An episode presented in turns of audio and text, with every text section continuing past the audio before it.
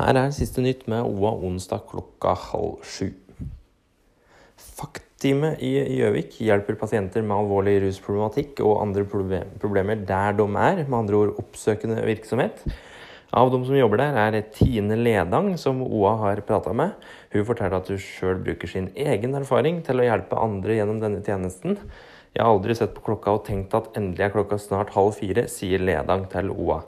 Teamet de hjelper i underkant av 50 pasienter, og mer om det arbeidet de gjør, kan du lese på oa.no nå. Strandgata i Gjøvik, som har en svært sentral beliggenhet, skal holdes åpen for trafikk både under Gullsnutten torsdag kveld og under byfesten i helga.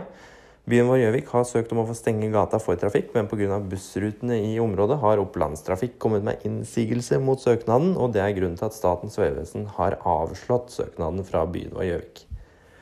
Line Kildahl i byen vår Gjøvik forteller til OA at det ikke påvirker arrangementet, men at de må ta noen sikkerhetshensyn med tanke på at publikum kommer til å stå nært veien.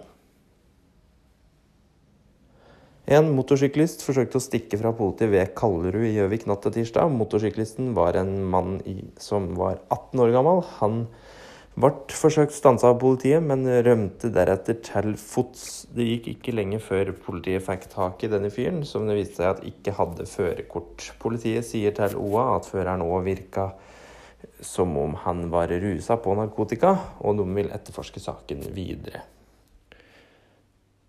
Ha en fortsatt fin onsdag.